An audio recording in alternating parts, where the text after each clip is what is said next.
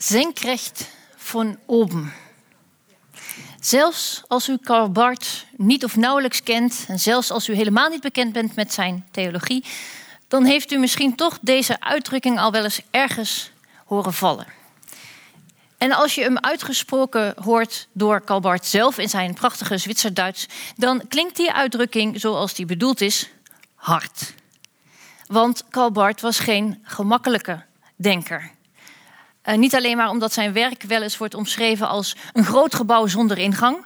Um, maar ook omdat hij met zijn denken, met zijn theologie, uh, eigenlijk linea recta indruisde tegen heel veel dingen die voor de mensen van zijn tijd vanzelfsprekend waren. Een moeilijke denker dus. Maar ook een fascinerende denker. Want hij had en heeft nog steeds veel invloed en veel mensen die hem heel erg uh, interessant vinden.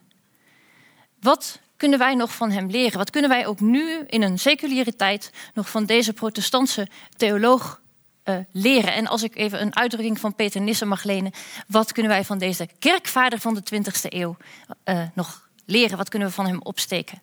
Daarover gaan we het zo dadelijk hebben met Peter Nissen, theoloog, kerkhistoricus en binnenkort officieel hoogleraar Ecumenica aan de Radboud Universiteit.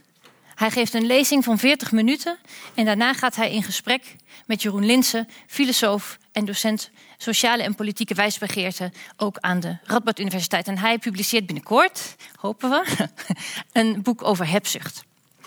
Um, precies. Ik hoor instemmend gemompel, dat is hard nodig. Um, ik ben heel blij dat ze er zijn. Ik ben blij dat u er bent. En uh, wacht even, ik pak even mijn presenter, want het programma voor vanavond komt nu, hoop ik. Ja, is heel simpel. Lezing, gesprek. En ik zal dat gesprek eh, modereren. Mijn naam is Liesbeth Jansen. Ik ben uh, programmamaker bij Radboud Reflect. Uh, en natuurlijk is er ook genoeg ruimte voor uw eigen vragen. Ik wens u een hele mooie avond en geef graag het woord aan Peter Nissen.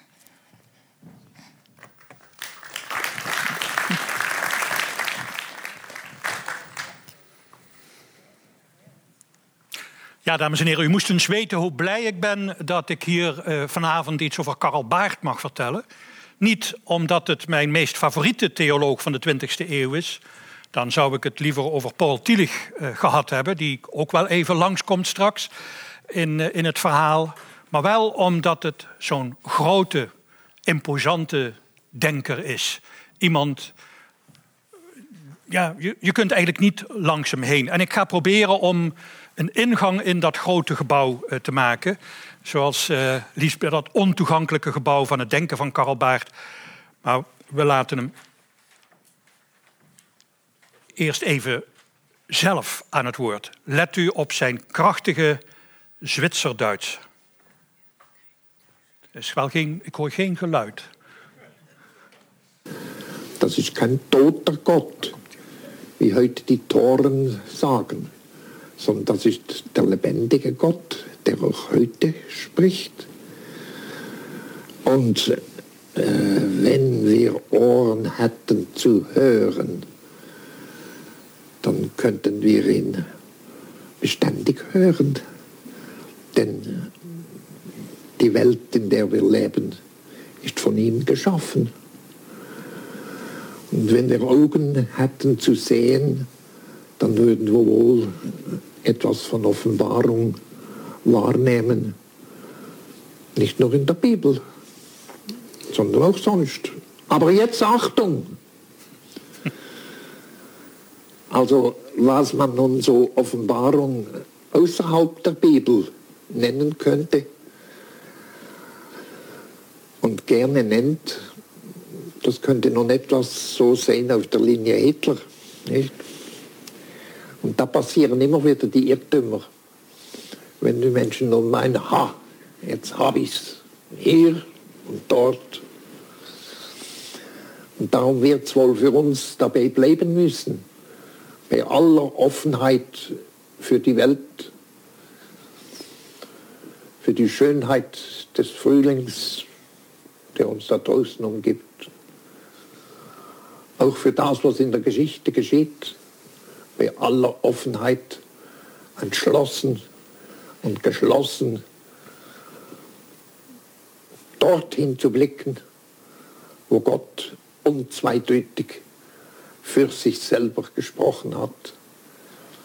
In Jesus Christus, der wahre Gott und wahrer Mensch gewesen ist und ist heute und sein und bleiben wird.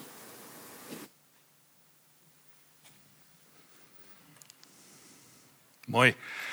Het krachtige, overtuigde geluid van uh, Karl Baart, die inderdaad, Lisbeth zei het al, als een soort kerkvader van de 20e eeuw gezien mag worden. Als een van de grote namen, een van de imposante namen in de rij van grote denkers in de christelijke traditie. Paulus, Augustinus, Thomas van Aquino, Luther Calvijn, Schleiermacher, waar die niet zo heel veel mee op had.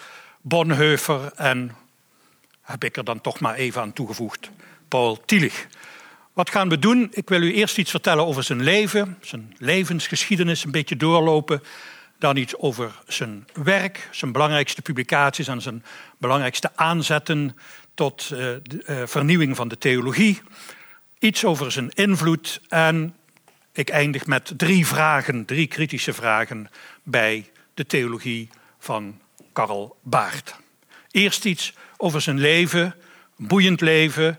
Je zou ook kunnen zeggen een succesvol leven als je de omslag van Time haalt. Dat overkomt niet zoveel theologen, maar Karl Baart uh, is, het, uh, is het wel overkomen. Karl Baart komt uit een predikantenfamilie, predikantenmilieu geboren, 16 mei 1886.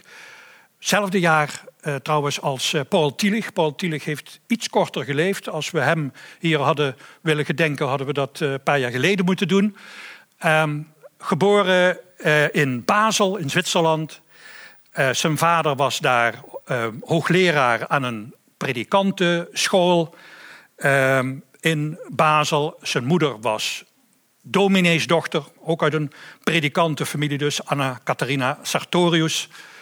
Na een paar jaar, als Karel drie jaar oud is, verhuist het eh, gezin naar Bern, waar de vader van Karel Frits Baart hoogleraar Nieuwe Testament en kerkgeschiedenis wordt. En dat heette toen in het jargon van de liberale theologie rond 1900 heette dat positieve theologie, omdat het theologie is die over posita gaat, over feiten, uh, teksten, gegevens uit de geschiedenis.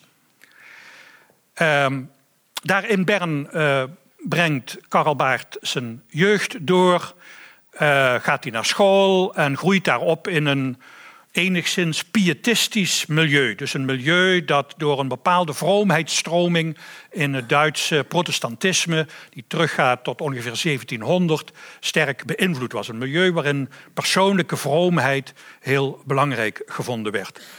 Hij gaat dan dat kwam natuurlijk vaak voor in predikantengezinnen. Ook theologie studeren. Treedt in de voetsporen van zijn vader. Doet dat eerst in Bern. Maar wil zich toch een beetje losmaken ook van zijn vader. En ook van de theologie van eh, zijn vader. En dan verkast hij in 1906 naar Berlijn. Om daar te gaan studeren. En het milieu waar die dan in terechtkomt, het milieu eigenlijk ook toch waar die ondanks die pietistische inslag in opgroeide, dat is het milieu van het Duitse protestantisme rond 1900, dat een heel sterk burgerlijk milieu is. Een milieu met een sterk vooruitgangsgeloof, een milieu waarin gedacht werd, wetenschap en geloof zijn mooi met elkaar verzoend, we bouwen aan een goede toekomst, eh, er is overal vooruitgang. En het protestantisme dat is helemaal versmolten met de Pruisische cultuur, cultuurprotestantisme.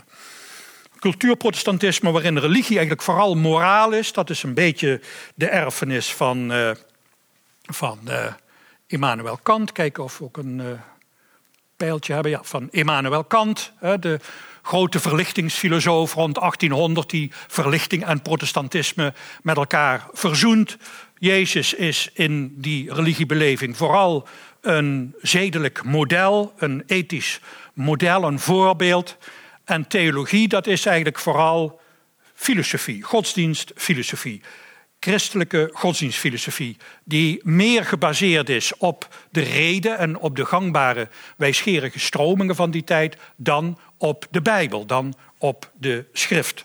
En men was ervan overtuigd in dat Pruisische cultuurprotestantisme zijn christendom en de eigentijdse cultuur, de wetenschap, het verlichte denken op een harmonieuze manier met elkaar verzoend.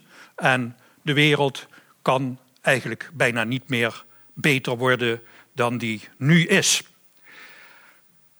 In die theologie van die tijd, waar de jonge Karl Baart in werd grootgebracht en waar hij ook een aantal jaren zich in heeft bewogen, zich in heeft thuisgevoeld, um, waren allerlei ontwikkelingen gaande die te maken hadden met nieuwe ontdekkingen in de 19e eeuw. De opkomst bijvoorbeeld van het historisch-kritische Bijbelonderzoek.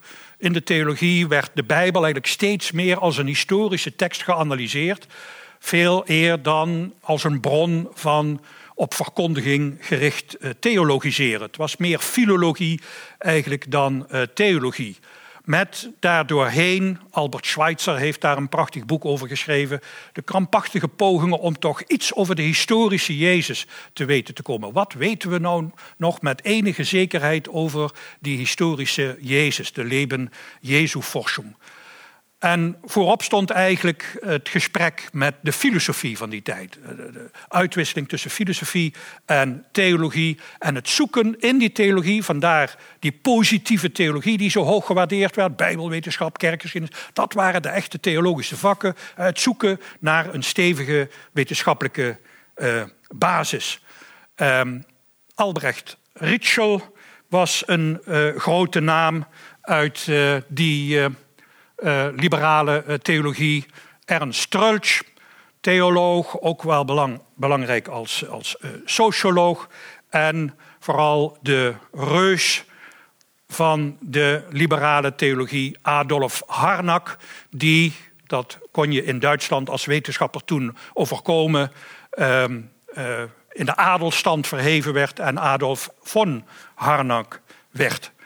Uh, belangrijke man die eerst in Giezen en in Marburg gewerkt heeft, maar het grootste deel van zijn leven in Berlijn. En daar niet alleen aan de theologische faculteit een grote rol speelt, maar ook in de hele Duitse wetenschappelijke wereld. Was een van de meest gerespecteerde geleerden van Duitsland. Hij heeft aan de wieg gestaan van wat nu Max Planck instituten zijn. Daar hebben we er in Nijmegen ook één van. Um, een van de weinigen buiten Duitsland. Um, hij heeft aan de wieg gestaan van de organisatie van de Staatsbibliotheek Preußischer Kulturbesitz, de, de nationale bibliotheek van, uh, van uh, Duitsland, van uh, Berlijn. En voor Van Harnack, die een groot historicus was, was kerkhistoricus, um, um, was de kern van het christendom eigenlijk tot een paar dingen terug te brengen. Hij heeft een aantal lezingen voor breed publiek gehouden, precies in dat jaar 1900, over het, de kern van het christendom, dat is wezen des christentums. En uh, dat kwam voor hem eigenlijk op drie dingen neer. Je moest als christen vertrouwen hebben in God de Vader, zo de eeuwige die zorgt voor ons. Uh, je moest geloven in de onsterfelijkheid van de ziel en je moest het gebod van de naaste liefde praktiseren.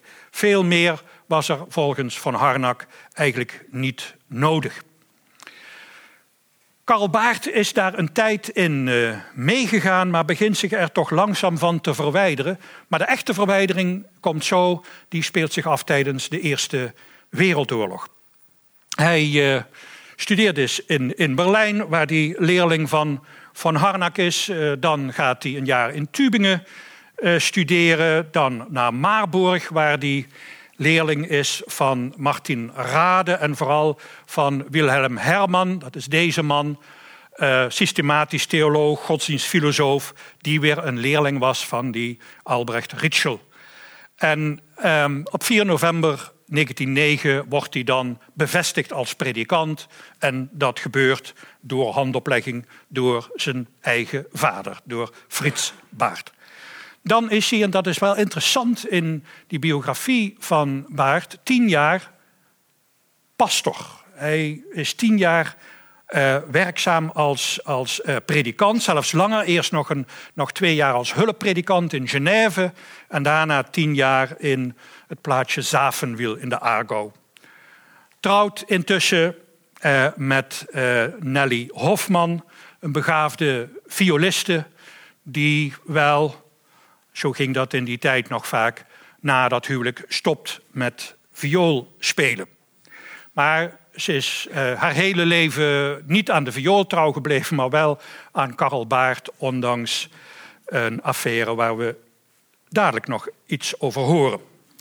En dan komt die ervaring van de Eerste Wereldoorlog. Voor de ontwikkeling van Karel Baart van beslissende invloed geweest. Het uitbreken van de Eerste Wereldoorlog betekende eigenlijk een schok in het vooruitgangsgeloof van het burgerlijke christendom in Europa. Men dacht, we hebben de zaken goed op orde, we zijn allemaal beschaafde mensen in beschaafde naties en nu raken die beschaafde christelijke naties met elkaar slaags. Ze raken in oorlog met elkaar. En dat betekent eigenlijk het einde van dat vooruitgangsoptimisme van de lange 19e eeuw. Karl Baart gaat op zoek naar andere wegen om over de boodschap van de Bijbel te spreken. En hij krijgt in die tijd contact met een groep van jonge theologen die christendom en socialisme met elkaar proberen te verenigen. Uh, een groep van christen, van sociaal-democratische christenen, uh, sluit zich ook aan bij de sociaal-democratische uh, beweging, krijgt veel contact met een heel interessante figuur, Leonard Ragas, theoloog die uh, in Zurich hoogleraar was en die zei dat Rijk Gods, waar het uh, in het Nieuwe Testament over gaat, in de Evangelie wel honderd keer, uh, dat gaat niet over een hiernamaals of over een toekomstige wereld ergens van totaal andere orde dan onze wereld. Dat gaat over onze wereld, maar dan anders. Onze wereld dan anders. Het is een politiek geladen Rijk Gods theologie. Um, die Leonard Ragas geeft op een gegeven moment ook zijn uh, hoogleraarschap, zijn professoraat in Zurich op om samen met zijn vrouw uh, in, in een arbeidersbuurt van Zurich te gaan werken en zich in te zetten voor verbetering van de leefomstandigheden van, het, van het industrieproletariaat in die stad.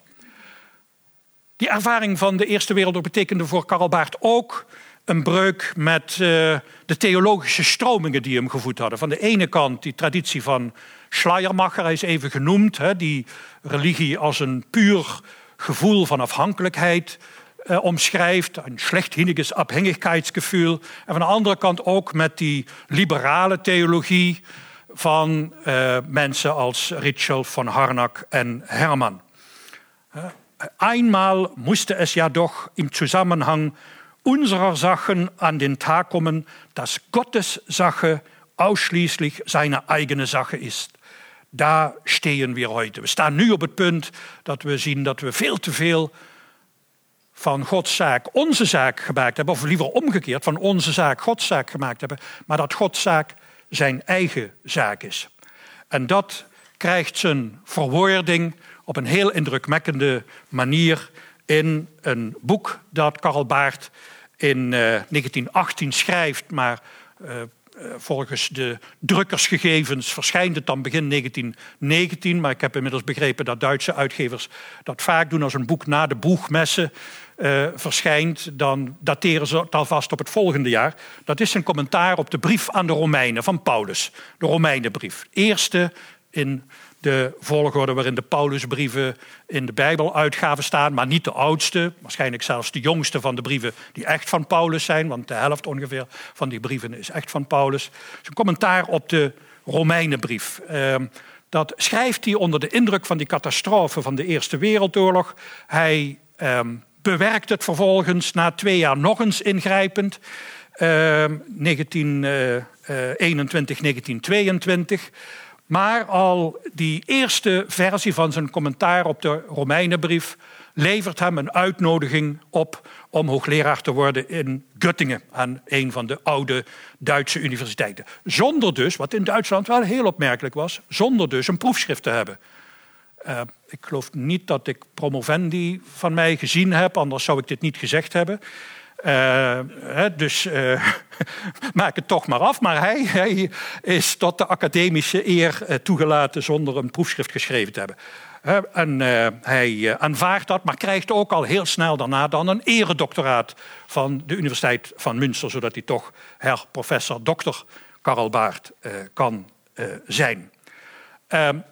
Dat commentaar op de Romeinenbrief, op de inhoud ga ik straks in, dat was voor de tijdgenoten duidelijk een radicale breuk met de gangbare liberale theologie van die tijd. Met die positieve wetenschappelijke wijsgerige theologie. Van Harnack zegt dan ook ehm, heel venijnig... Karl Baart is een verachter van de wetenschappelijke theologie. Zijn wetenschappelijke loopbaan gaat dan verder. Hij richt met een aantal vrienden, onder wie Eduard Thurnhuizen en Friedrich Gogarten, een eh, theologisch tijdschrift op, Zwischen den Zeiten. En dat wordt eigenlijk, en blijft dat nog tot 1933, de spreekbuis van uh, de groep jonge theologen die, om een reden die ik straks zal uitleggen, dialectische theologen genoemd worden. Omdat ze Gods werkelijkheid lijnrecht op onze menselijke werkelijkheid zien staan. Dialectisch. Is niet in harmonie daarmee, maar is er mee in tegenspraak. Is totaal anders.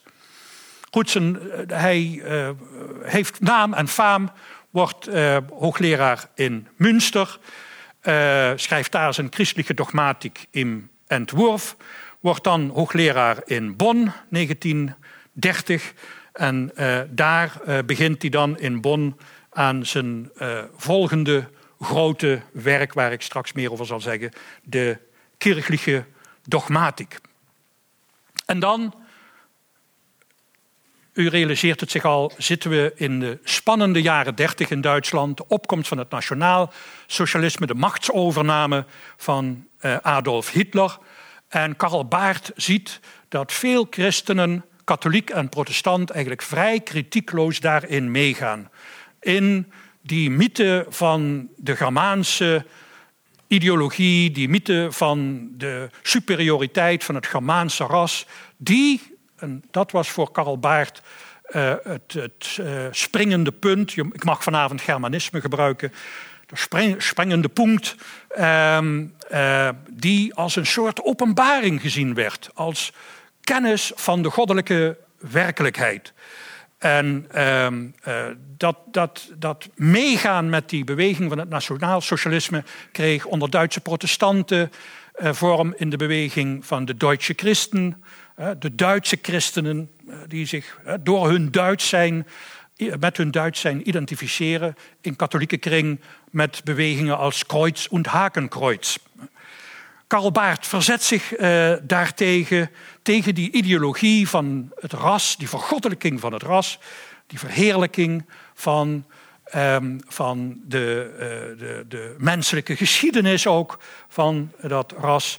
En wordt dan een van de mede-opsteller stellers, eigenlijk wel de belangrijkste opsteller van een aantal stellingen, een verklaring die bekend is geworden als de Barmer-thesen, de thesen, de stellingen van Barmen, eh, officieel de Barmer Theologische Erklärung of het Barmer Erkenntnis uit 1934. Dat zijn zes stellingen ja, tegen staatsinmenging in de kerk en tegen die staatsideologie en de rassenleer en andere openbaringen. En dat wordt de basis voor een beweging eh, in het Duitse protestantisme die zich afwendt van die Duitse christen en die zich bekennende kerk noemt. Een kerk die beleidenis uh, doet, die zich, die zich tot iets bekent. Uh, we gaan weer even naar Baart luisteren.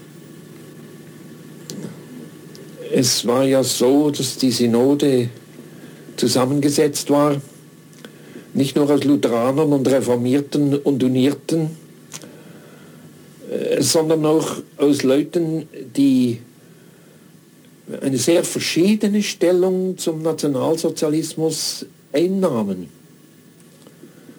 Es waren auch in Barmen Leute da, welche den Nationalsozialismus als solchen bejahten. Und andere, zu denen wohl ich gehörte, die ihn mehr oder weniger bestimmt ablehnten. Und nun äh, standen diese sechs Sätze der Erklärung da. Aber kaum waren sie draußen, so geschah es, wie es in der Kirche immer gegangen ist, nach solchen Erklärungen. Die Auslegungen waren dann reichlich verschiedene. Die Zusammensetzung der Synode war leider zu bunt. Und es war nicht zu erwarten, dass, äh, äh was noch herauskam, ein volltönendes Wort an das deutsche Volk oder mindestens an die Christen in Deutschland werden möchte. Hoffen wir es, dass der Ton, der dort angeschlagen worden ist, nun doch nicht ganz verhallt sein möge und dass er vielleicht wieder mal stark werden möchte. Und nun we gaan even verder vanwege de tijd. Uh, we gaan volgende filmpje niet bekijken, maar even naar een van die zes thesen kijken. Want Karl Baart reageert in dat gesprekje dat we zojuist zagen op kritiek die op die Barmer-these kwam, waar ik zo ook iets over zal zeggen. Is de eerste van die zes thesen. Jezus zei, ik ben de weg, de waarheid en het leven. Niemand kan bij de Vader komen dan door mij. nog een citaat uit het Johannesevangelie. En dan komt de these, Jezus Christus, zoals over hem in de Heilige Schrift wordt getuigd, is het ene woord van God waarnaar wij moeten luisteren. En dat wij in leven en sterven moeten vertrouwen en gehoorzamen.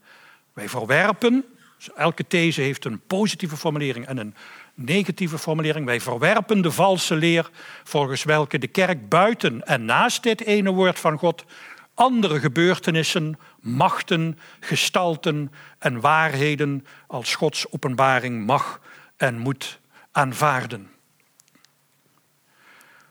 Karel Baart reageerde nu net al op kritiek die op die Barmarthese gekomen is. En dat is hij de kritiek van tweeërlei aard. Uh, eerste, als je naar die zes thesen kijkt, dan zie je dat daar nergens expliciet genoemd wordt het grote onheil dat zich in Duitsland aan het voltrekken was, namelijk de vervolging van andere groepen dan de, het, het Duitse volk.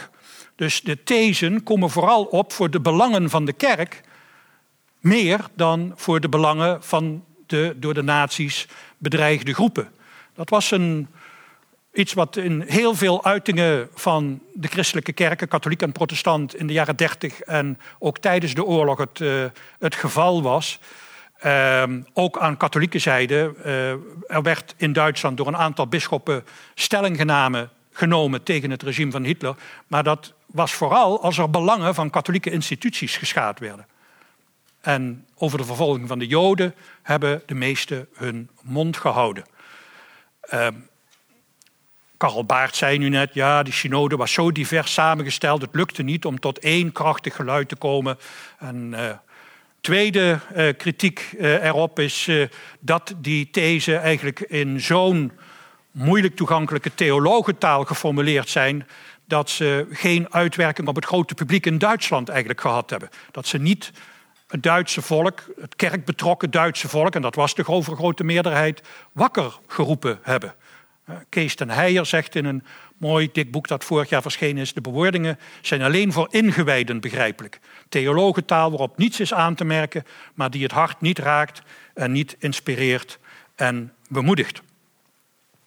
Karl Baart moet uh, vertrekken uit uh, Duitsland. Hij uh, was Zwitser, hij was buitenlander. Hij weigert de eed af te leggen op van trouw aan de Führer en wordt dan ontslagen in Bonn aan de universiteit, maar krijgt, hij was inmiddels een beroemdheid, al meteen een uitnodiging van de universiteit in zijn geboortestad Basel. En daar gaat hij naartoe. En daar blijft hij dan tot hij in 1962 met emeritaat gaat.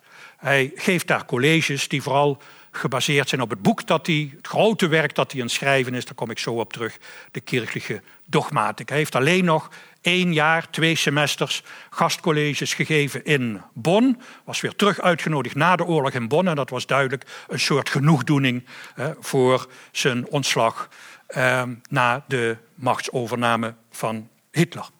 Ik heb nu net al vertrouwd, verteld, uh, Nelly Hofman is Karl Baart uh, zijn hele leven trouw gebleven, in tegenstelling tot de viool. En dat is ze gebleven ondanks het feit dat er vanaf 1929 een derde een drieter in Bund kwam, kwam, zou je kunnen zeggen. De assistente van eh, Karl Barth, Charlotte von Kirschbaum, zijn vaste medewerkster, maar ook veel meer dan dat. Ze woonde ook bij hen in huis. En het was een ménage à trois, kun je zeggen. Dat was, uh, zoals Karl Barth het zelf noemt, een draaieck, een driehoek.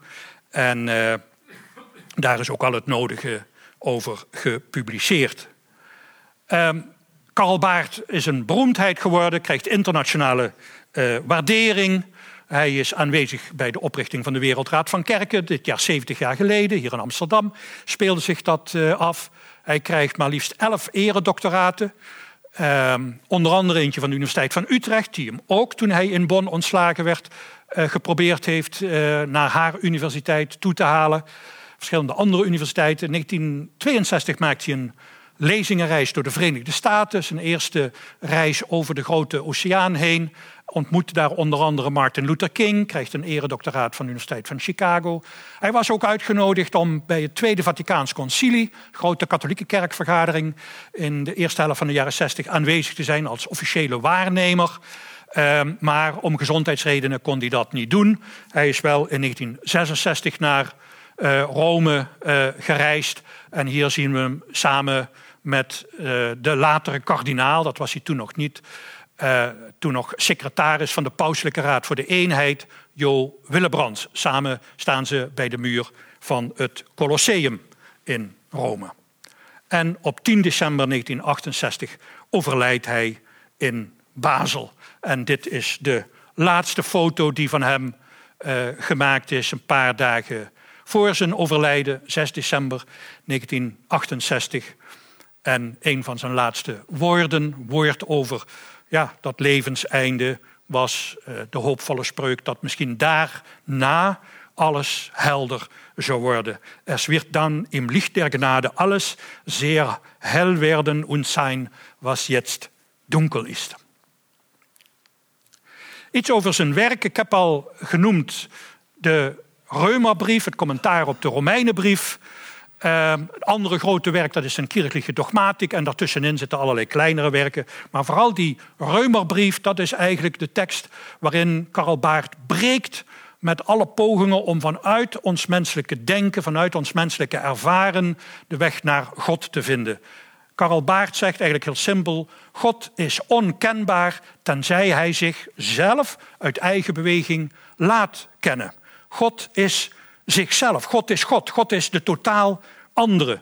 God is het tegenover van ons. Is radicaal anders dan de wereld en de mens. En is dus nergens aan te wijzen, nergens te ervaren, ook niet in ons innerlijk. God is niet een product van de menselijke geest, geen functie van het menselijk samenleven, maar van totaal andere orde. En die orde staat lijnrecht op onze menselijke werkelijkheid. Dialectisch. Vandaar dialectische uh, theologie. En die theologie die kan alleen maar beoefend worden omdat ze kan putten uit de openbaring, eigenlijk de zelfopenbaring van God. Alleen maar door het feit dat God zichzelf heeft willen laten kennen.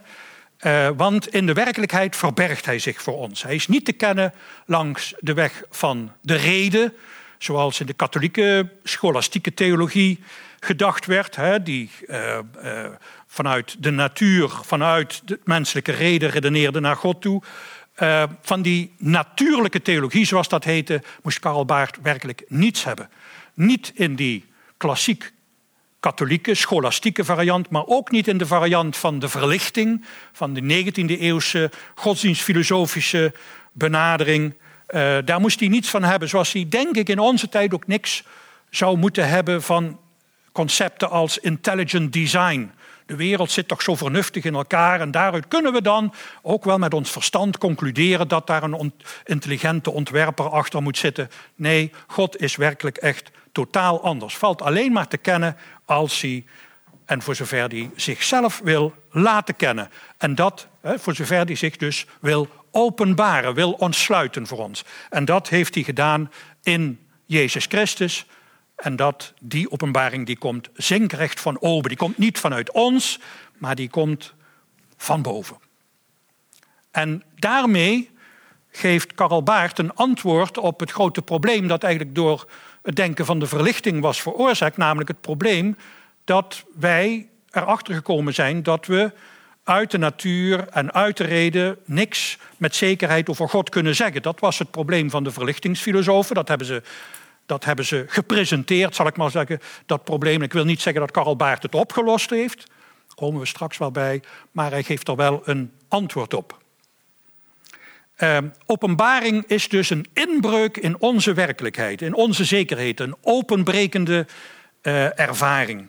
En dat gebeurt in volle vrijheid. Bij Karl Baart is het woord vrijheid een heel belangrijk woord. God is volstrekt vrij in het zich te kennen geven aan ons. En wij zijn vervolgens ook volstrekt vrij in het antwoorden daarop. Er is niet een soort predestinatie of een uitverkiezing of een automatisch werkende genade die ons, ook al zouden we het niet willen, toch naar God toevoert. Nee, de vrije God vraagt een antwoord van vrije mensen. En dat was voor Karl Baart een reden om tegen de kinderdoop uh, te zijn. De, dat antwoord op Gods uitnodiging moet van vrije, mondige mensen komen. Geloof is een relatie tussen de vrije mens en de vrije God. Omdat we alleen maar over God iets kunnen zeggen dankzij de openbaring in Jezus Christus en in de schrift, is voor, bij Karl Baart de Bijbel het centrum van alle theologie. Niet wijsgerig redeneren, niet de natuur, maar de schrift, de Bijbel. Gods woord, een van de gestalten van Gods woord. Hij onderscheidt drie gestalten. Gods woord is om te beginnen eh, de openbaring in Christus. Die gestalte krijgt in de Bijbel. En de Bijbel die moet weer gestalte krijgen in de verkondiging. En die Bijbel is voor Karl Baart dus niet, zoals voor veel theologen uit eerdere tradities, een soort verzameling van bewijsplaatsen. Je hebt een bepaalde stelling, een bepaalde opvatting en daar ga je in de Bijbel dan bewijsplaatsen voor vinden. Nee, de theologie moet daar beginnen. Moet daar beginnen bij dat spreken van God in de openbaring. En dat betekent dat studie van die Bijbel veel meer moet zijn dan filologie, dan taalkundige, literatuurwetenschappelijke studie. Dat moet verkondiging zijn. Theologie is bijbelse theologie en verkondigingstheologie. En omdat God dus alleen maar te kennen is omdat hij zichzelf laat kennen, is Karl Baart buitengewoon kritisch op alle vormen van wat hij met een heel ruim begrip religie noemt. Alles wat de mens uit zichzelf bedenkt. God is de totaal andere, de gans andere. En hem kennen is eigenlijk een onmogelijke mogelijkheid. Het is onmogelijk vanuit onze eigen menselijke bestaansconditie. Het is alleen maar mogelijk omdat hij zichzelf wil laten kennen. En dat heeft hij gedaan in Jezus Christus. Jezus Christus is voor Karl Baart de volle openbaring van God. En daarmee is voor Karl Baart alles wat mensen bedenken en wat mensen verabsoluteren, is afgoderij. Is religie in een slechte zin. Christendom is volgens hem, daar kunnen we straks over discussiëren, ben het er ook niet mee eens, maar volgens hem is het, is het christendom geen religie. Het christendom staat dankzij de openbaring ook weer lijnrecht tegenover alle andere religies. Ja, zegt hij, maar er is wel heel veel religie in het christendom. Vooral in het katholicisme, zei hij er nog bij. En dat moeten we bestrijden. We moeten het christendom zelf uh, uh, schoonmaken, zuiveren van de religie die erin zit. Felle bekritisering dus van alle verabsoluteringen, vergoddelijkingen van alles wat niet God is. Macht, geld, ras, volk, natie, gaat u maar door. En dan zijn grote uh, hoofdwerk, uh, zijn levenswerk, werkelijk imposant. Ik heb maar één deel uh, meegebracht. Ik had al genoeg mee te schouwen. De kirchliche dogmatiek, een, een, een, werk in dertien delen. En dit is, dit is het eerste deel, maar dat is een van de dunste. Dus de andere mensen die wel eens op mijn kamer geweest zijn, die zullen het zich misschien kunnen herinneren. Je ziet het daar ook op dat plaatje. De andere delen zijn vaak nog vele malen dikker. Alles bij elkaar vormen die dertien delen bijna 10.000 bladzijden theologie. Levenswerk waar hij in 1932 aan begonnen is en wat hij een jaar voor zijn dood in 1967 heeft afgesloten. Of eigenlijk moeten we zeggen, is het niet echt afgesloten. Het is, zoals vele grote werken uit de cultuurgeschiedenis, een onvollendete. Uh, maar je kunt natuurlijk ook zoiets uh, doen. De kirchliche dogmatic uh, een bloemlezing eruit met uh, saillante teksten. En dan kun je er toch, dan hoef je niet al die dertien delen te lezen en kun je er toch een idee van krijgen. Waarom kirchliche dogmatic? Omdat voor Karl Baart de kerk de plek is waar die openbaring wordt ontvangen. De kerk is de ruimte, zeg maar, het midden waarin het woord wordt ontvangen en waarin het moet worden doordacht. Valt er over God dan iets te zeggen? Want Karl Baart heeft dertien delen volgeschreven. Je zou zeggen, ja, als we de Bijbel al hebben, dan, dan leest die maar goed. Dat is ook al, heel, ook al een heel dik boek. Uh, nee, er valt wel iets over te zeggen, zegt Karl Baart maar niet vanuit de natuur of eh, vanuit de reden over de eigenschappen van God. Die bedenken vaak eigenschappen, die worden dan in de theologie volmaaktheidseigenschappen genoemd. Alles wat we in de schepping en in de mens goed vinden, dat vergroten we dan uit. Dat heeft dan bij God heeft dat dan volmaakte uh, trap, hè, trap van volmaaktheid. Uh, de natuur is mooi, dus God is de volmaakte schepper van al dat moois.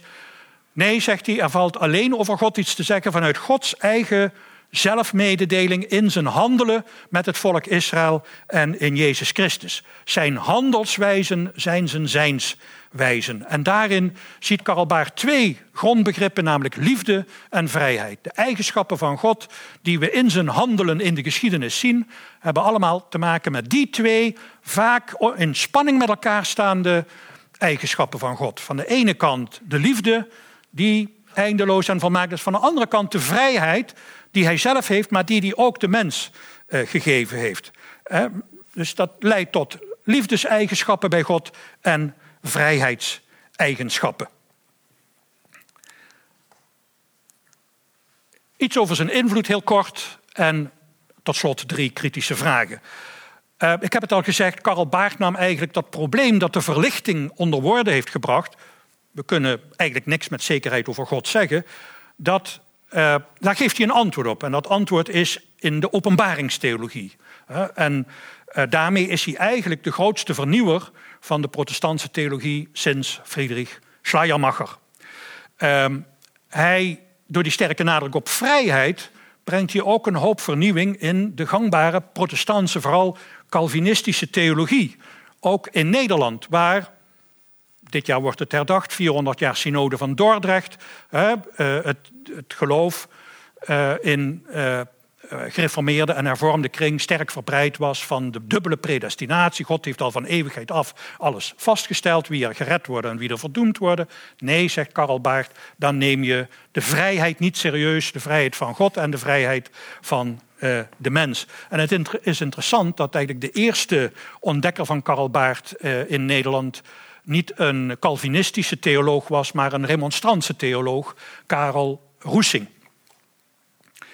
Uh, Karl Baart heeft een grote invloed gehad in de Wereldraad van Kerken. Uh, Willem Visser het Hoofd, de eerste secretaris-generaal van de Wereldraad van Kerken, Nederlander, was een groot bewonderaar van Karl Baart en nodigde hem uit bij de oprichtingsvergadering 1948 in Amsterdam. En uh, uh, nodigde Paul Tillich, de grote tegenstander van Karl Baart, niet uit. U ziet daar Willem Visser het hoofd helemaal rechts en Karl Baart in het midden. En de man links is een Franse uh, theoloog. Grote invloed in Duitsland gehad, belangrijke leerlingen, maar ook in Nederland. De gereformeerde theologie, zoals die bijvoorbeeld tot de komst van Harry Kuitert aan de Vrije Universiteit in Amsterdam beoefend werd, was heel sterk beïnvloed door uh, Karl Baart. Oepke Noordmans, dat is een briljante theoloog die nooit aan een universiteit verbonden is geweest, was gewoon dominee. Uh, Miskotte, Berkouwer, u ziet ze daar uh, alle drie uh, staan. En Susanne Henneke heeft daar een mooie studie over geschreven over Karl Baart in de Nederlanden.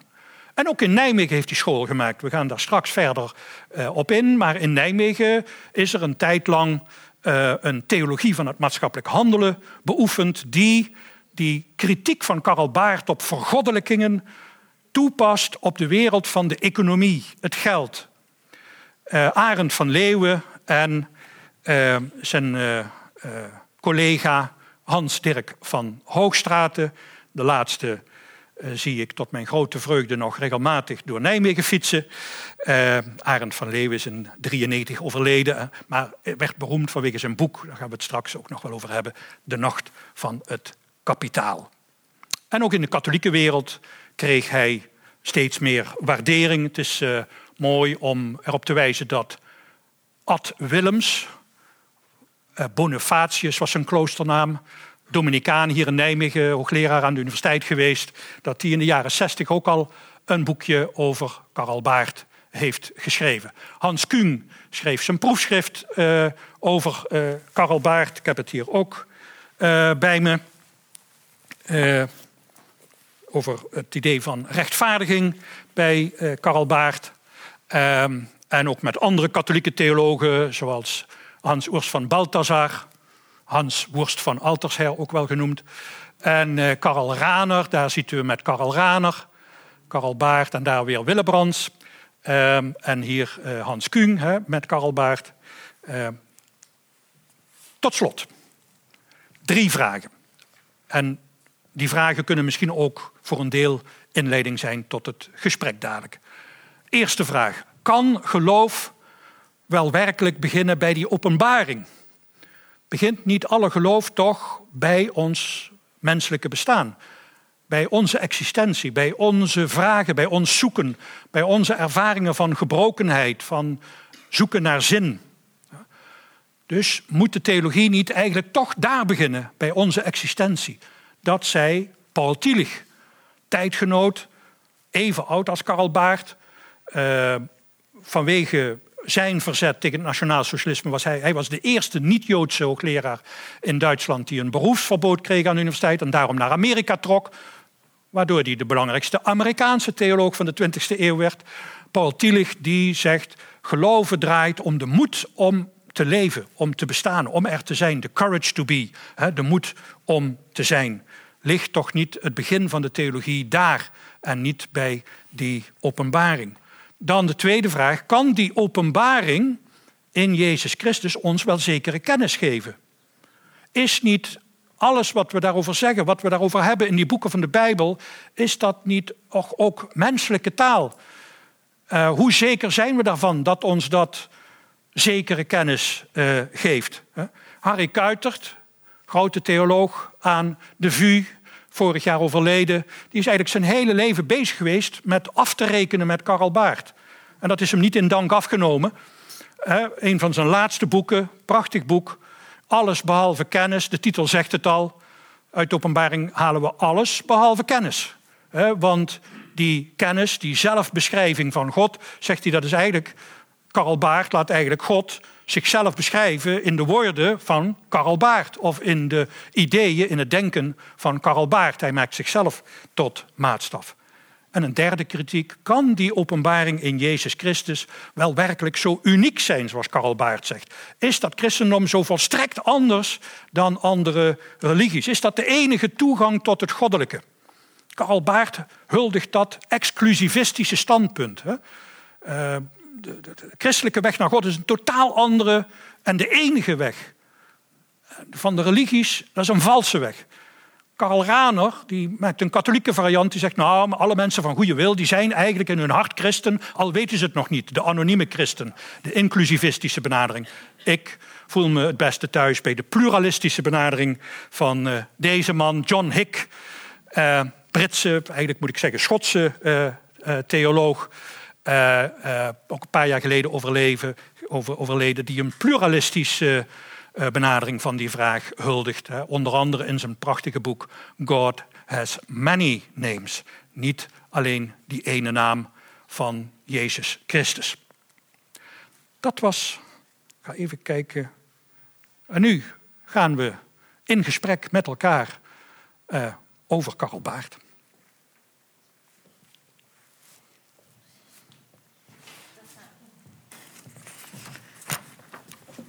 En we hebben drie glazen water, dus dat komt goed uit. Die ga ik even netjes verdelen. Zo. Dankjewel, Peter. Heel erg informatief en ook alvast even wat gedachten ordenend rond uh, mogelijke vragen. Welkom Jeroen.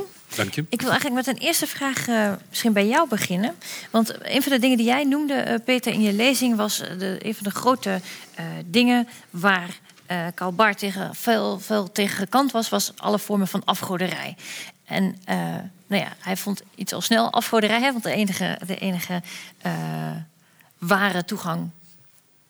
Of ja, alles wat niet. Nou ja, dit is het denkrecht van openheid. Precies, alles wat, wat geen openbaring is, is, is religie vals. en is afgoderij, is vals, inderdaad.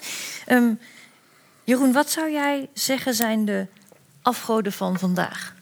Oh. Nou, we hebben het een beetje voorbereid. Het is een beetje oneerlijk.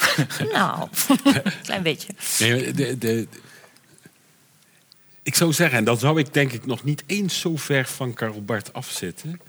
Als ik zeg dat de afgoden van vandaag misschien. Uh, ik, ik, doe er, ik, ik, ik noem er twee en ik denk dat die alles met elkaar van doen hebben. Mm -hmm. uh, de verheerlijking van het zelf.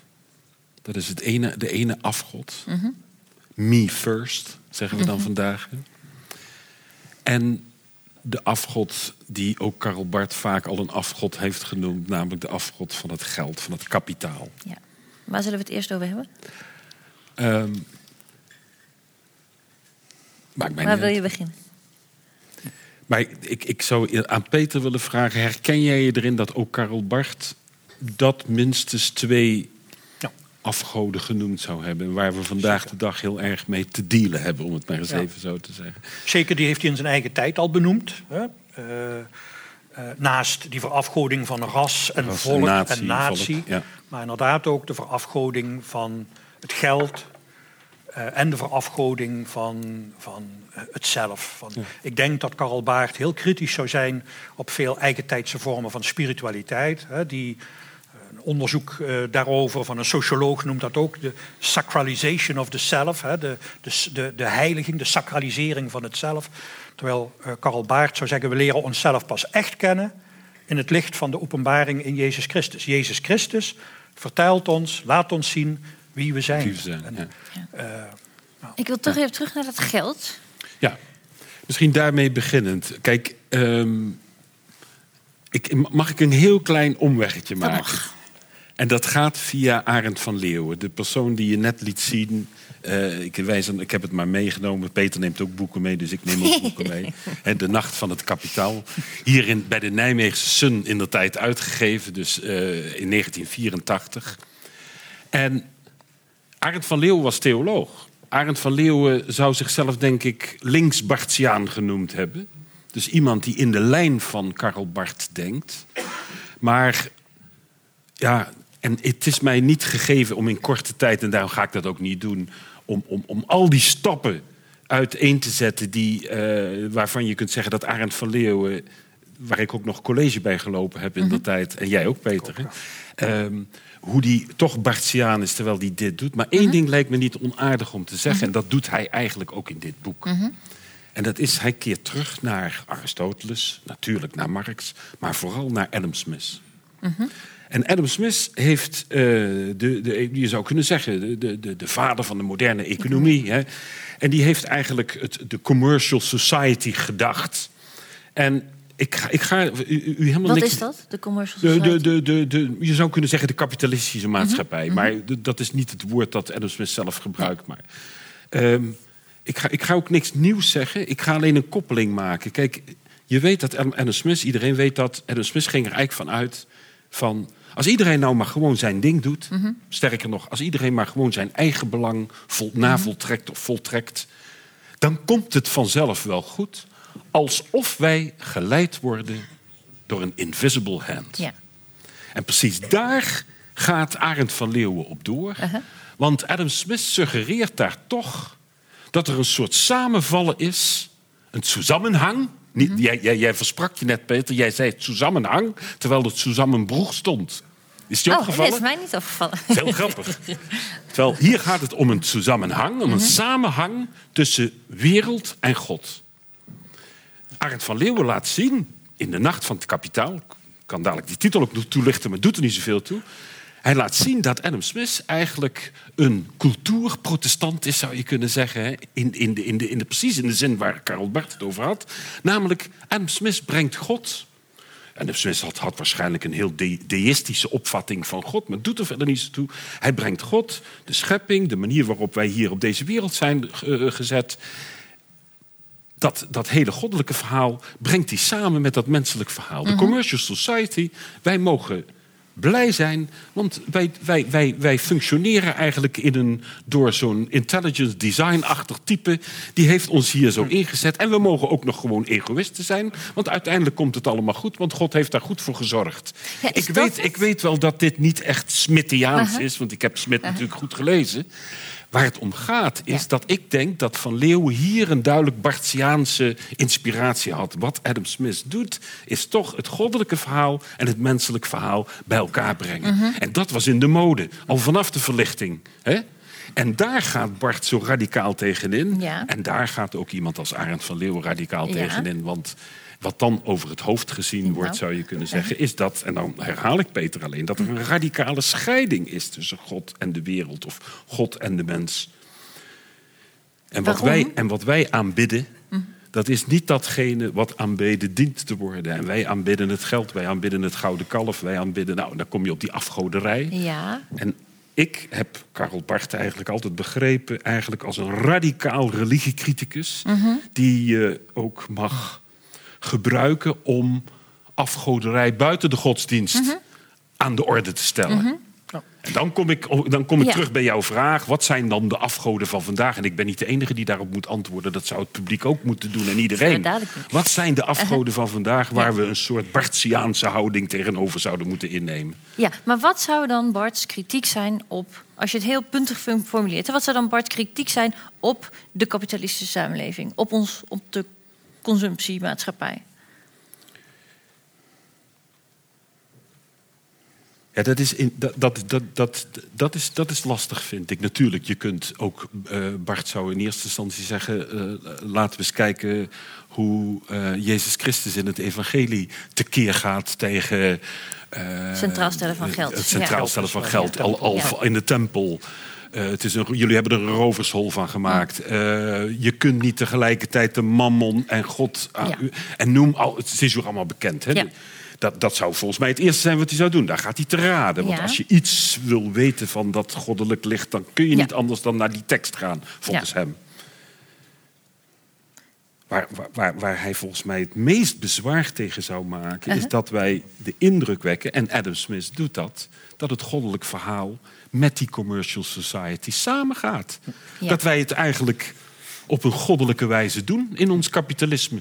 Dat het Oh, eigenlijk ja? een, een, een systeem is dat door niemand anders bedacht is dan door God zelf. Zoiets, hè? Bedoel, Dat we dat zo presenteren, dus dat we als het ware God voor ons eigen karretje spannen of God zoiets. voor ons eigen karretje spannen. Ja. Dat is zijn grootste Ja. kritiek. Ja, En, en, en met dat denken over een, een harmonie tussen wat wij tot stand brengen en wat Gods plan zou zijn, eh, eh, ondermijn je, zegt Karel Baart, de kritische kracht van de Bijbelse boodschap. Die staat lijnrecht, God is een totaal andere en zijn boodschap staat lijnrecht op wat wij allemaal proberen en daagt ons daarmee uit om ons in te zetten voor een echte, gerechtige, rechtvaardige eh, wereld. Dus die, dat, die Bijbelse boodschap is niet neutraal.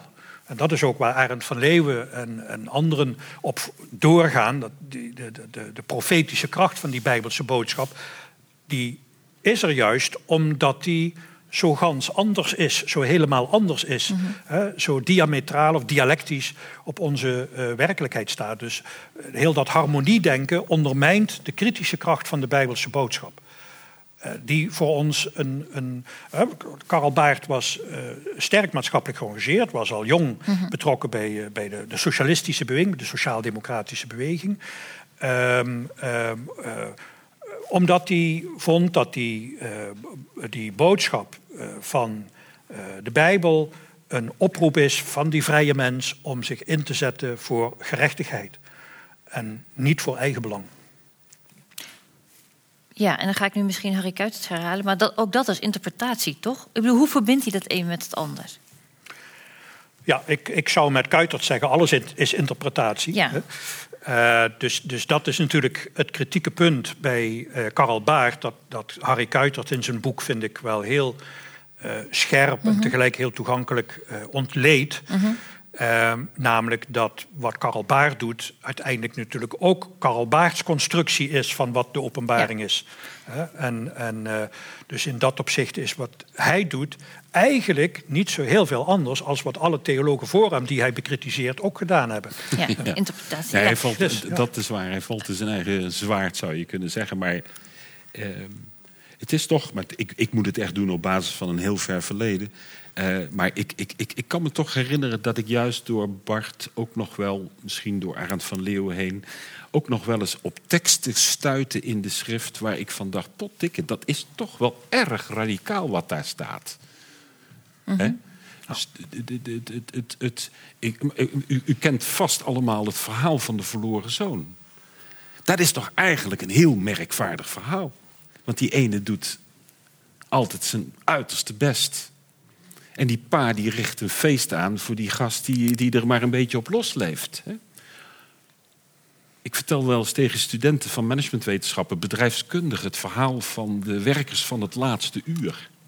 Dat is toch een merkwaardig verhaal. Maar, maar dit moet je dan wel eerst. Maar oh, ik, ja, moet je het eerst gaan nee, vertellen. Maar ik, ik wil maar, zeggen, van, dat is toch wel een radicale een boodschap. En, en, en, en je, je, je, je, ik, ik, ik, omdat ik zo lang in die filosofie zit en zo weinig met die theologie doe en ook zelden die Bijbel natuurlijk lees, maar omdat ik me ging storten op hebzucht en noem maar op, uh-huh. dacht ik, ik moet toch nog eens kijken wat er over in de schrift staat. En het viel mij toch op hoe radicaal die evangelies zijn. Dat is eigenlijk jammer als we dat zouden vergeten. Dat verhaal van de verloren zoon, eh, dat is voor Karl Baart een sleuteltekst. sleuteltekst Omdat daar precies die twee eigenschappen van die zegt, die kunnen wij niet met de reden beredeneren, maar die, hè, die zien we verschijnen in het handelen van God. Je kunt zeggen, ja, dat is wel interpretatie van Karl Baart. Maar goed, namelijk liefde en vrijheid. Precies die twee dingen komen in dat verhaal naar voren. Okay, ik ga nu heel even het verhaal heel kort vertellen. Een vader heeft twee zoons. De ene zoon, de jongste zoon, die heeft er genoeg van van de hele dag alleen maar met zijn vader en zijn broer op het land te werken. Die zegt: Ik wil de vrije wereld in, ik wil leuke dingen doen. Die vraagt de helft van zijn erfenis, gaat de wereld in, verkwist het geld, althans zo staat het er. Kun je over debatteren wat dat betekent enzovoort. Uh, uh, en vervolgens uh, raakt hij in armoede en keert hij jarenlang, van jaren later berooid weer terug. En zijn vader is zo gelukkig dat hij voor hem een feest aanricht. En zijn oudere broer is jaloers en zegt: Hallo. Uh, ik ja, doe al 15 jaar mijn best hier en ik, ik, heb nog nooit een feestje van je gehad. Precies. Precies. Dus dat die zoon kan vertrekken, dat is de vrijheid. Ja. En dat die in barmhartigheid ontvangen wordt als hij terugkomt, is de liefde. Ja. Dat zijn ja. die twee nee, polen dat, in. Ja. Ja, maar het is, het is volgens mij, ik denk dat dit verhaal eigenlijk een heel mooi, uh, mooie kapstok is. Het gaat misschien nog zelfs verder. Kijk, de zoon die thuis blijft bij pa, die doet gewoon zijn best. Die houdt zijn eigen broek op, die heeft zelfs succes. Die, die wordt ook door vader op zich best. Uh, hè, uh, hoe, zeg ik, hoe zeg je dat? Goh, je doet goed je best, jongen, en niks aan de hand. Ieder, hè, die doet precies zoals het hoort. Fatsoenlijk, verdient zijn geld, is ondernemend, zou je bijna kunnen zeggen. En die andere, die maakt er een potje van. Ja. Ik vermoed dat hij zelfs naar de hoer is geweest. En weet ik veel wat hij allemaal gedaan heeft, wat God verboden is. Het is onvoorstelbaar. En toch wordt er een feestmaal voor hem aangericht. Ja. De goddelijke gerechtigheid is een zeer merkwaardige gerechtigheid. Hoor mij dat preken. Ik lijk wel een dominee. Ben ik niet, ben politiek filosoof. Maar dat is een zeer merkwaardige gerechtigheid. Ja. Want je zou toch in deze commercial society denken... dat degene die gewoon goed zijn best gedaan heeft... degene die, die, die, die flink gearbeid heeft... en, Uh-huh. en, en die, die, die kapitaal geaccumuleerd heeft... als ik toch even de woorden van Arend van Uh-huh. Leeuwen mag gebruiken... dat moet toch degene zijn voor wie we een feestmaal aanrichten. Dat zijn Ja. toch de succesvolle lieden hier. En toch niet die losers die daar een beetje hun geld lopen te verbrassen... en, en, en, en van ellende weer thuiskomen bij papa, papa, mag ik nog meedoen? En precies daar kiest Christus voor en daar kiest Karel Bart voor. Het is opvallend dat in het oeuvre van Bart heel vaak verwezen wordt naar verschoppelingen. Eh, mensen die er een beetje af liggen. De losers zou je kunnen zeggen. Die niet mee kunnen in de vaart der volkeren. Ik denk dat we dat niet moeten onderschatten. En daarom dat dit verhaal Want zeg, jij, daarom zo belangrijk want zeg jij, in onze consumentenmaatschappij zijn dat er steeds meer. Er zijn steeds meer mensen die niet in de red race meekomen. En dat komt onder andere omdat we steeds meer onszelf aan het vermarkten zijn. Ik ga een beetje kort op de bocht, maar ik Ja. heb weinig tijd, dus eh, dat mag. Nee, ik, ik denk dat we echt, kijk, die twee afgoderijen zou je kunnen zeggen, de, eh, van het zelf en van, van het kapitaal genereren of accumuleren. Die zijn natuurlijk bij elkaar gekomen. eh, en sommigen zullen dat misschien weten dat dat een beetje mijn verhaal is. Het komt straks ook in het boek. Eh, eh, die komen samen in wat ik noem de ondernemersmaatschappij. Ja, ik ontleen dat aan Michel Foucault, maar ik heb dat zelf wat verder uitgewerkt. Ook een Duitse socioloog heeft daar een mooi boek over geschreven. Dat is Unternemische Selbst. En daar zit, zie je ook steeds dat zelfs en het ondernemende bij elkaar komen. Ja. Dus het kapitalisme en de verheerlijking van het zelf past uitstekend bij elkaar. En eh, dat heeft natuurlijk afval. Afval. En de verschoppelingen, zou ik bijna zeggen, Uh-huh. degene die niet mee kunnen, is het afval van dat systeem. En ik meen toch altijd nog, als ik Karel Barth dan goed begrijp, dat hij toch ergens ja, voor die kant kiest. En dat dat volgens hem de kant is van het christelijk godsgeloof. Zonder dat ik daar zelf in zit. Maar ik probeer het gewoon te begrijpen. En als ik dat goed begrijp, dan kiest hij die kant. En dat is Ja. toch radicaal de kant van de verhalen die toch in het evangelie staan. Pit, zou je dit onderschrijven? Denk je, Ja, zeker. dit is Bart's kritiek op eh, geld als afgod, geld als belangrijkste doel in je leven. Ja, ja dus eh, een, een, een, eh, een afgoderij die eh, afbreuk doet aan het, aan het totaal anders zijn van God. Hè, die, die onze eigen producten, onze eigen voortbrengselen tot God maakt. Afgoden. Ehm, en eh, terwijl precies dat... Waarom is dat een probleem? Dat heel andere van God is precies ook daarin gelegen dat hij de kant kiest van inderdaad de, De verliezers. ja, precies. De, de Ja, losers, degene ja. die langs de kant van de weg zitten. Ja. Maar waarom is dat eigenlijk een probleem? Waarom is het erg als we onze eigen afgoden maken? Nou, Karl Baart zou zeggen, omdat er maar één God is, de ene, Ja, eh, en alles wat wij tot God maken, Mhm. tot goddelijk maken, dat doet afbreuk aan die totaal andere en onkenbare God. ja, maar nou leven we in een maatschappij die natuurlijk in ieder geval hier heel erg seculier is. Hè? Weinig mensen hebben überhaupt nog eh enige notie van God. Hoe werkt dat dan? Nou ja, ik, ik, dus, eh, ik weet niet of er nog maar zo weinig mensen enige notie van God Nee, hebben. goed, er zijn discussie, ja. steeds minder mensen eh, die iets met de geïnstitutionaliseerde Ja. Mhm. vorm van religie hebben.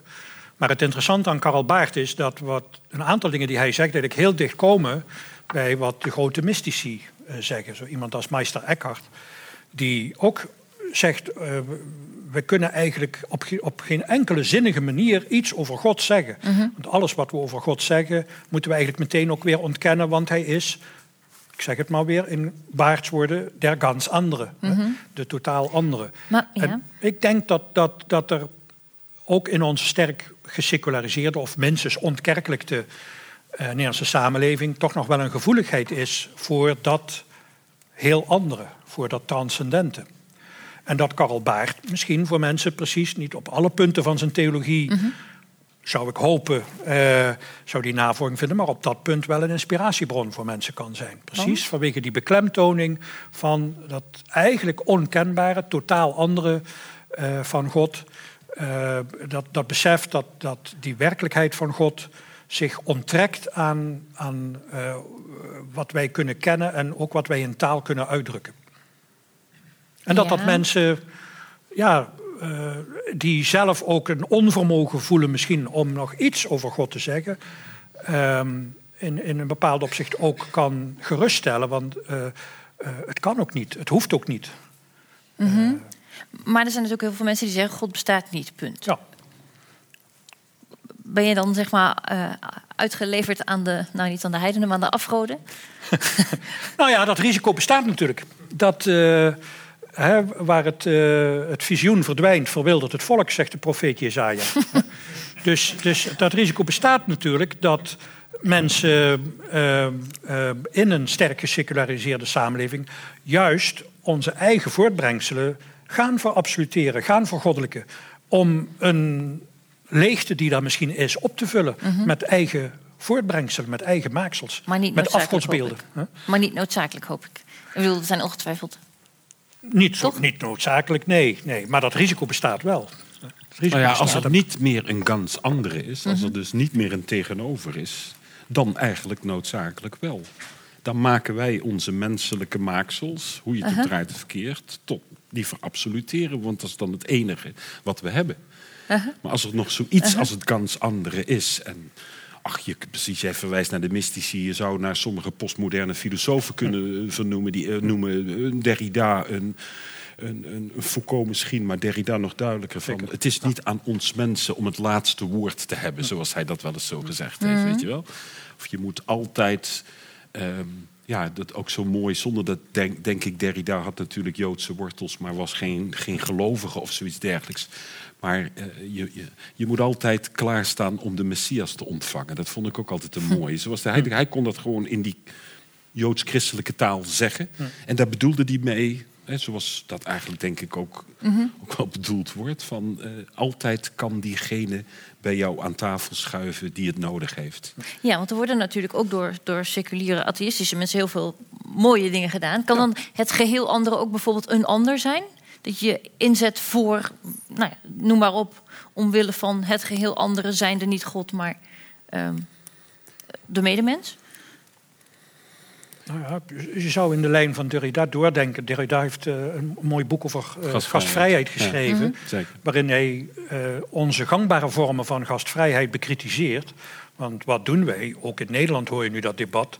Hè, opnemen van, van vluchtelingen. Nou, we moeten vooral die vluchtelingen opnemen die veelbelovend voor onze Nederlandse economie zijn. Ja. Nou, zegt dat, dat is geen gastvrijheid. Nee. En de gastvrijheid die wij betonen als we een feestje geven, is ook geen gastvrijheid. Want wij nodigen allemaal mensen uit die een beetje op onszelf lijken. Dus wij vieren vooral onszelf. Wij uh-huh. nodigen vooral onszelf uit. Derrida zegt, echte gastvrijheid is iemand uitnodigen die potentieel zelfs je vijand kan zijn. Ja. Dus hij combineert hospitaliteit met hostiliteit.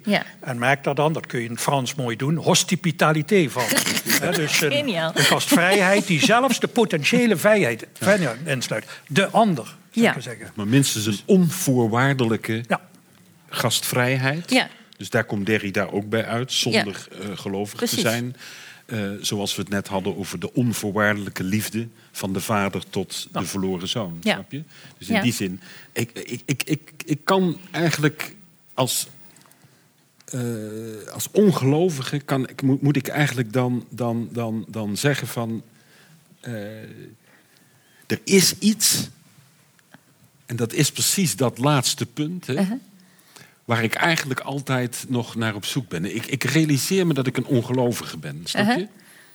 En toch als filosoof, als politiek filosoof... en veel filosofen komen er ook bij uit... dat, uh-huh. hè, dat het heel gevaarlijk is wanneer we het laatste woord hebben. Dat er altijd nog een andere moet zijn. Uh-huh. Een volstrekt andere. Denk aan, aan, aan, aan, aan Levinas met het gelaat van de ander.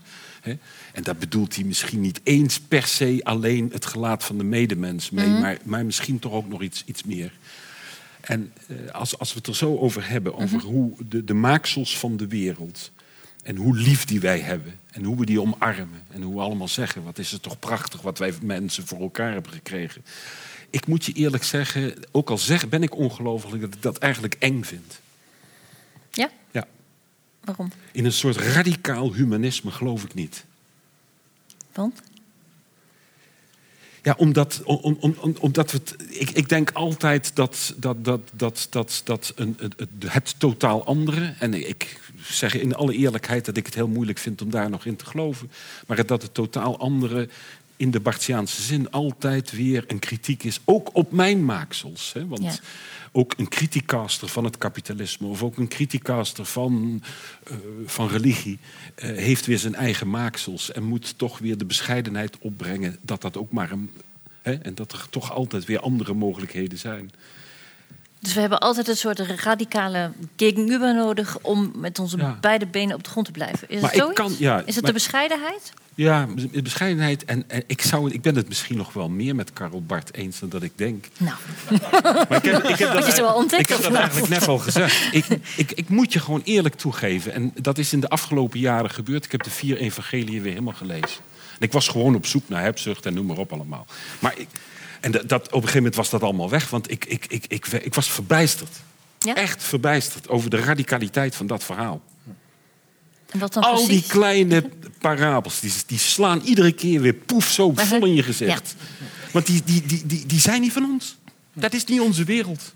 Uh-huh. Nee, dat is wel mooi, want dat schreef Ger Groot ook in een of ander artikel. Zo van waar Nietzsche zeg maar, aanstootgevend was in zijn tijd, is nu Nietzsche met zijn God is dood uh, volkomen vanzelfsprekend. Is juist religie, of in ieder geval God, een soort steen des aanstoots waar we allemaal over struikelen, omdat we denken, huh? Wat, wat, staat daar nou weer? Of wat? Nee, maar ik bedoel, ik snap heel veel mensen dat ze, uh, laten we zeggen, een bloedhekel aan God hebben. Uh -huh. uh, waarom? Omdat God vereenzelvigd wordt met het systeem, ja, met kerk, met, met paus, ja. met instituut -huh. en noem maar op. Ja, daar heb ik ook een bloedhekel aan, ik kan er niks aan doen.